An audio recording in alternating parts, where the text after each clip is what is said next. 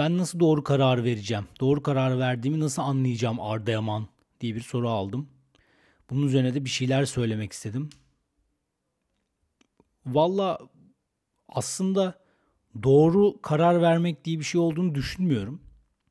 Fakat bu konuya birazcık böyle konvansiyonel girmek istiyorum niyeyse. O yüzden Google'a e, How to make the right decision yazdım.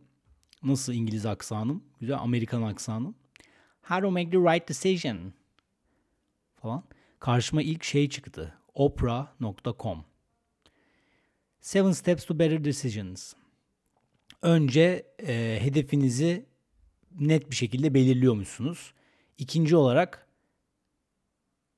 Eliminate choices by setting standards. Ne demek lan bu? Yani kendi standartını kendi belirle ve o standart dışındaki e, seçenekleri ele diyor herhalde. En iyisini bulmak için dert etme diyor. Yani mükemmeliyetçi olma diyor herhalde bir noktada. Ön yargılarının farkında ol diyor. Çok hızlı davranmamaya çalış diyor. Küçük şeyleri dert etme diyor. E, post game analysis nedir? Yani bittikten sonra herhalde karar verdikten sonra iyi bir karar mı verdin, kötü bir karar mı verdin diye bir şey amel defteri tut diyor yani. Allah Allah. Başka neler var? Eight rules for making the right decisions. Huffington Post. Yok ya. Bilmem kim. Sadguru. Ay abi bu herifin her yerden çıkmasına da zaten yani üf, Sadguru aşağı Sadguru yukarı şimdi Moji çıktı bir de. Nasıl okunuyor? Muji mi? Moji mi artık? Ne kimse. How to always make the right decision. Yok abi böyle şey. Yani bu clickbait iş şeylerden, videolardan, içeriklerden sıkılmaya başladım. Al. New Scientist. Top 10 ways to make better decisions. Ya ne yazıyor olabilir Allah aşkına bunda yani. New Scientist bunlara mı kaldı yemin ederim ya. Sonuçlardan korkma. Bir. Çok saçma. Of, bu reklamlar niye çıkıyor hala benim karşıma? Neyse sonuçlardan korkma dedi bir.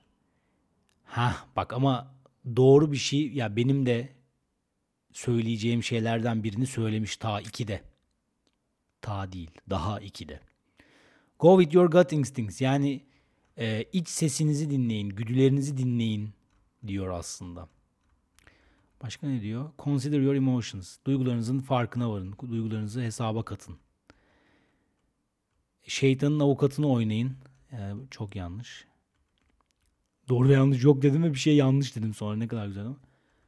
Falan filan. Yani e, işte bu konvansiyona takılınca ben doğru bir karar mı verdim, yanlış bir karar mı verdim diye manyak manyak düşünüyorsun, düşüne duruyorsun. Ya da verdiğin kararlardan sonra ulan acaba daha iyi bir karar verilebilir miydi diye kaygılanıyorsun.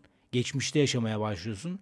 E zaten bizim maksadımız neydi her zaman? Anda kalmak, anı deneyimlemek, kendimize güvenmek vesaire vesaire. Şimdi doğru yanlış yok derken neyi kastediyorum? Öncelikle şunu kastediyorum.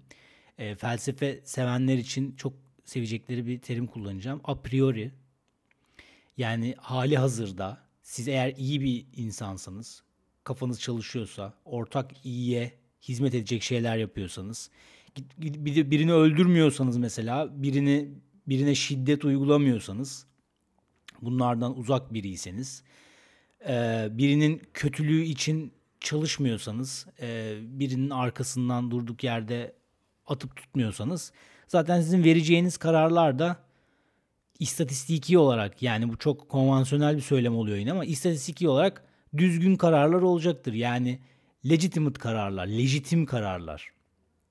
Nedir abi legitimate'ın Türkçesi? Hemen bir Turing reklamı alayım ben buraya. Ay, niye böyle? Legitimacy. Yerindelik, meşruluk, meşrutiyet, haklılık, geçerlilik, mantıklılık, yasallık. İşte tamam bu lejitim. O yüzden e, burada hep aklıma şey geliyor. Doğru karar vermek, yanlış karar vermek. Steve Jobs'ın Stanford mezuniyetinde yaptığı bir konuşma vardır. Yani böyle sakız oldu herkesin ağzına ama çok önemli ya benim de hayatımı değiştiren konuşmalardan biridir belki. Hani o kadar ileri gidebilirim bu konuda. Herif şöyle bir şey diyor. Bir sürü karar verdim ben diyor. O kararlar bunlara bunlara sebebiyet verdi ve sebebiyet verdiği şeyler aslında çok da iyi şeyler değil gibi anlatıyor. Ama sonra diyor ki şu andaki pozisyonuma işte o kararları vermezsem gelemezdim. Şimdi çok basit böyle herkesin anlattığı yaşam koçu, danışman falan bir fişman herkesin anlattığı şeye benziyor bu değil mi? Ama herif çok önemli bir de, detaydan bahsediyor. Noktaları geriye dönüp baktığınızda birleştirebilirsiniz sadece diyor. İleriye dönük planlar yaparak noktalar birleşmeyecek hiçbir zaman diyor. Hiçbir zaman ya da e, tam ne istiyorsanız o olmayacak diyor. Ama siz her seferinde doğru karar ver, verdiğinize emin olursanız, verebilecek en doğru kararı verdiğinize her koşulda emin olursanız, kendinize sapık gibi, manyak gibi güvenirseniz bu konuda, başkalarından öğüt almak mesela, yani başkalarından öğüt almak kadar ben ne yapayım diye birine sormaktan bahsetmiyorum. Yani böyle bir kriz anında birine bir şey sormaktan bahsetmiyorum. Belki onu bile yapmamak ama e, işte bir iş hayatınızın tırnak içinde kararı, işte üniversite seçilecek. Aileye hangi üniversite gideyim diye sormak çok yanlış bir şey ya. Veya arkadaşlar e, hangi üniversitede okuyorsa ben de oraya gideyim aşırı yanlış bir şey. Veya işte bir aile dostu, işte bir arkadaşımın babasının tanıdıkları şurayı diyor işte orası çok iyiymiş. Onlar da o üniversiteden mezun falan. Onlar da şöyle şöyle kararlar vermişler falan. Ya hayır. Bu sizin kendi hayatınız. Bir kere her şeyden önce bunun farkında olarak yaşamanız lazım. Bunun farkında değildiyseniz o zamana kadar bu podcast'ten sonra bunun lütfen farkında olarak yaşayın. Bu hayat sizin hayatınız. Bu hayatı siz şekillendiriyorsunuz. Sizin verdiğiniz kararlar sizin hayatınızı şekillendiriyor. Dolayısıyla siz öğüt alarak yaşamaya alışırsanız başkalarının hayatını yaşamakla yükümlü olacaksınız. Yani bu e, bazı insanlar için dünyanın en iyi şeyi olabilir çünkü hiçbir sorumluluğu olmadığı için çok rahat yaşar. E, eyvallah çeker, uyum sağlar. Uyum sağlamak da bir tercihtir. Ben buna uyum sağlamak istiyorum. Ben sorumluluk almak istemiyorum. Hepimiz sorumluluk almak istemeyebiliriz zaman zaman. Fakat başkalarının söylediği şeye durmadan eyvallah çekmek siz kendi kararınızı kendiniz vermeye götünüz yemiyor demek. Bu da bilinç altında çok ciddi tırnak içinde problemlere sebebiyet verebilir. Çünkü eninde sonunda bu dünyada yaşıyor olmamızın hani spiritüel bir yere geldik konu ama sebebi büyümek, öğrenmek, deneyimlemek. Bu illa e, git bileklerini kes bakalım nasıl bir şeymiş bunu deneyimle gibi bir şey değil bu yani. Hani fakat denemek yani bu kırmızı kitabımı alayım, siyah kitabımı alayım o işte e, o fotoğrafımı koyayım bu fotoğrafımı koyayım. Yani boktan bir karar bile veremez hale gelmiş insanlar. Özellikle gençler. Niye? Ne değişecek? Yani bir tanesinde götün daha büyük çıkmış, bir tanesinde memen daha büyük çıkmış. Bir tanesinde daha kaslı çıkmışsın, bir tanesinde daha sakallı çıkmışsın falan. Yani ne değişecek hayatında? Bu başkalarının onayıyla yaşama gayesi, başkalarının onayına muhtaç olma hali bizi kendi hayatımızı yaşamaktan alıkoyuyor işte. Bunun ne, ne kadar farkındasınız? Bunu bir kendinize sorun. Ne kadar farkındasınız?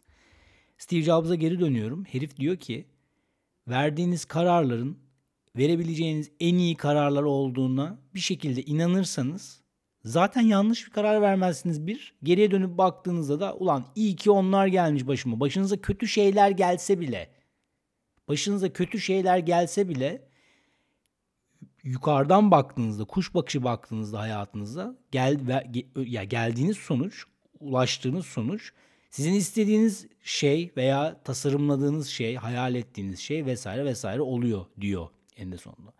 Çok doğru. Ben şimdi biraz da bunu derinliğe inmek istiyorum. Doğru karar verdiğimiz nasıl anlarız? Anlamayız. Bu çünkü zihinsel bir süreç değil bence. Bu işte o demin New Scientist'te okuduğum gibi gut feeling denen şey yani içgüdü denen şey. İşte bağırsak ikinci beyin. Ya illa her boku beyin yapmaya gerek yok. Yani kalp çok önemli bir organ. Bunu belki artık 3 yıldır söylüyorum etrafımdaki insanlara, işte e, ulaşabildiğim kişilere. E, kalbinin sesini dinle cümlesinin e, işte böyle 50 yaş üstü ev hanımları tarafından kullanılmasının onlara kullandırılmasının en önemli sebeplerinden biri bunun altının boşaltılmak istenmesi. Hadi bakalım komplo teorisi. En sevdiğim şey ya bu hayatta. Komplo teorisi. Kalbinin sesini dinlediğince az siktir lan diyorsunuz içinizden. E ben de öyle diyorum açıkçası. Fakat Bilin bakalım nasıl oluyor? Gerçekten kalbin sesini dinlemek diye bir şey var. Bu sinir sistemi böyle bir şey yapıyor, böyle bir şey gerçekleştiriyor yani kalbin sesini dinlemek. Nedir bu? Ses dinlemek yani algısal bir şeyden bahsediyorum. Duyusal bir şeyden bahsediyorum. Sizin kalbinizle beyniniz arasındaki iletişim, buradaki terim koherans yani ritmik şöyle değil yani. Bu mesela stres haliydi. Deminki koherans halindeyse kalbinizle beyniniz arasındaki iletişim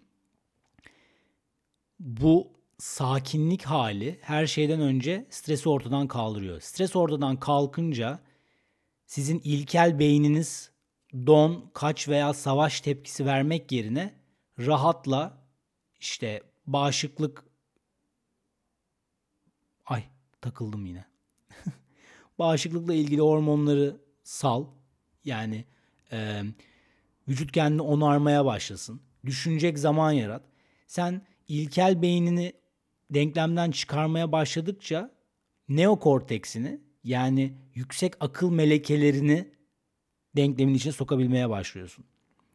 Bu da aslında algının değişmesi demek. Algının daha az bulanık hale gelmesi veya daha az parazitli hale gelmesi demek. Kalbin sesini dinlemenin yani e, bilimsel bir karşılığı var artık veya geliyor diyelim hadi. Bazı bilim adamları sinirlenmesin bana şimdi. Nasıl geleceğiz biz bu koheran koherans denen şeyi nasıl tahsis edeceğiz? Koheran bir duruma nasıl ulaşacağız? Valla nefes egzersizleri bu işin başı aslında. Çünkü sempatik sinirleri deaktive etmenin en kolay yollarından biri. Yani bu feedback'i, fiziksel bir feedback'i zihinsel ve emosyonel bir şekilde e, denge haline getirmenin en kolay yollarından biri nefes. Odaklanma egzersizleri olabilir, meditasyon olabilir. İşte mindfulness deniyor şimdi. Mesela mindfulness da yanlış bir tabir. Neyse onu başka zaman konuşurum. 12 dakika oldu bile ya. Ben geveze miyim ya? Ay öyle bir herif var değil mi? Neyse sonuç olarak doğru karar verdiğimizi nasıl anlayacağız? Anlamayacağız. O bir an, anlama e, şeyi olayı değil yani. Zihinle bir bağlantısı yok olayın. Biz koheran bir state'e ulaşmaya, koheran bir ruh haline ulaşmaya çalışacağız. Koheran bir enerjetik e, duruma ulaşmaya çalışacağız. Onu da nefes egzersizleriyle yapabiliriz mesela. Kare nefes diye bir şey var çok basit. İlla pratik isteyen. 4 nefes veriyorsun. 4 sayı 4 sayı nefes veriyorsun. 4 sayı tutuyorsun. 4 sayı alıyorsun. 4 sayı tutuyorsun. Bu kalbinle beynin arasındaki iletişimi koheran bir state'e yani şuna indirgemeye başlıyor veya yükseltgemeye başlıyor diyelim. Çünkü bu daha bir yüksek bir durum bu yani. İnsanların böyle kendimden geçtim bilmem ne falan halleri hepsi koheran state'lerde olur işte. Ya bu öfke patlamasında kendinden geçtim değil. O işte stres durumu, ilkel bir tepki vesaire vesaire. Bir, dolayısıyla e, doğru karar verme kılavuzu Arda Yaman. Bir, doğru kararı vereceğine emin ol, kendine güven. İki, kalbinle beynin arasındaki iletişimi düzenli bir hale getir. Ve bu da zaten kalbinin sesini dinle demek oluyor bir noktada. Buna önem ver. Başkalarının üç, başkalarının dediklerini önemsememeyi öğren. Başkaları siktir lan diyorsa sana sen onlara siktir lan demeyi öğren. Bu kadar basit. Bu kadar herhalde ya. Yani şu öğüt meselesine daha bir, bir 14 dakika oldu. 14 dakika daha konuşurum. Birinden öğüt almanın ne kadar saçma sapan bir şey olduğuna dair 14 dakika daha konuşurum.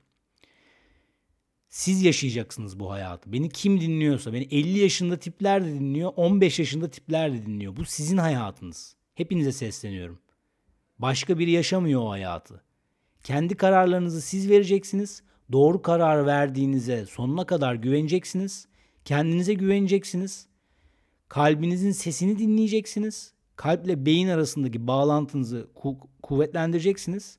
Meditasyon iyi bir teknik, iyi bir yol, teknik demeyeyim. Nefes egzersizleri iyi teknikler. Bu durumu tahsis etmek için.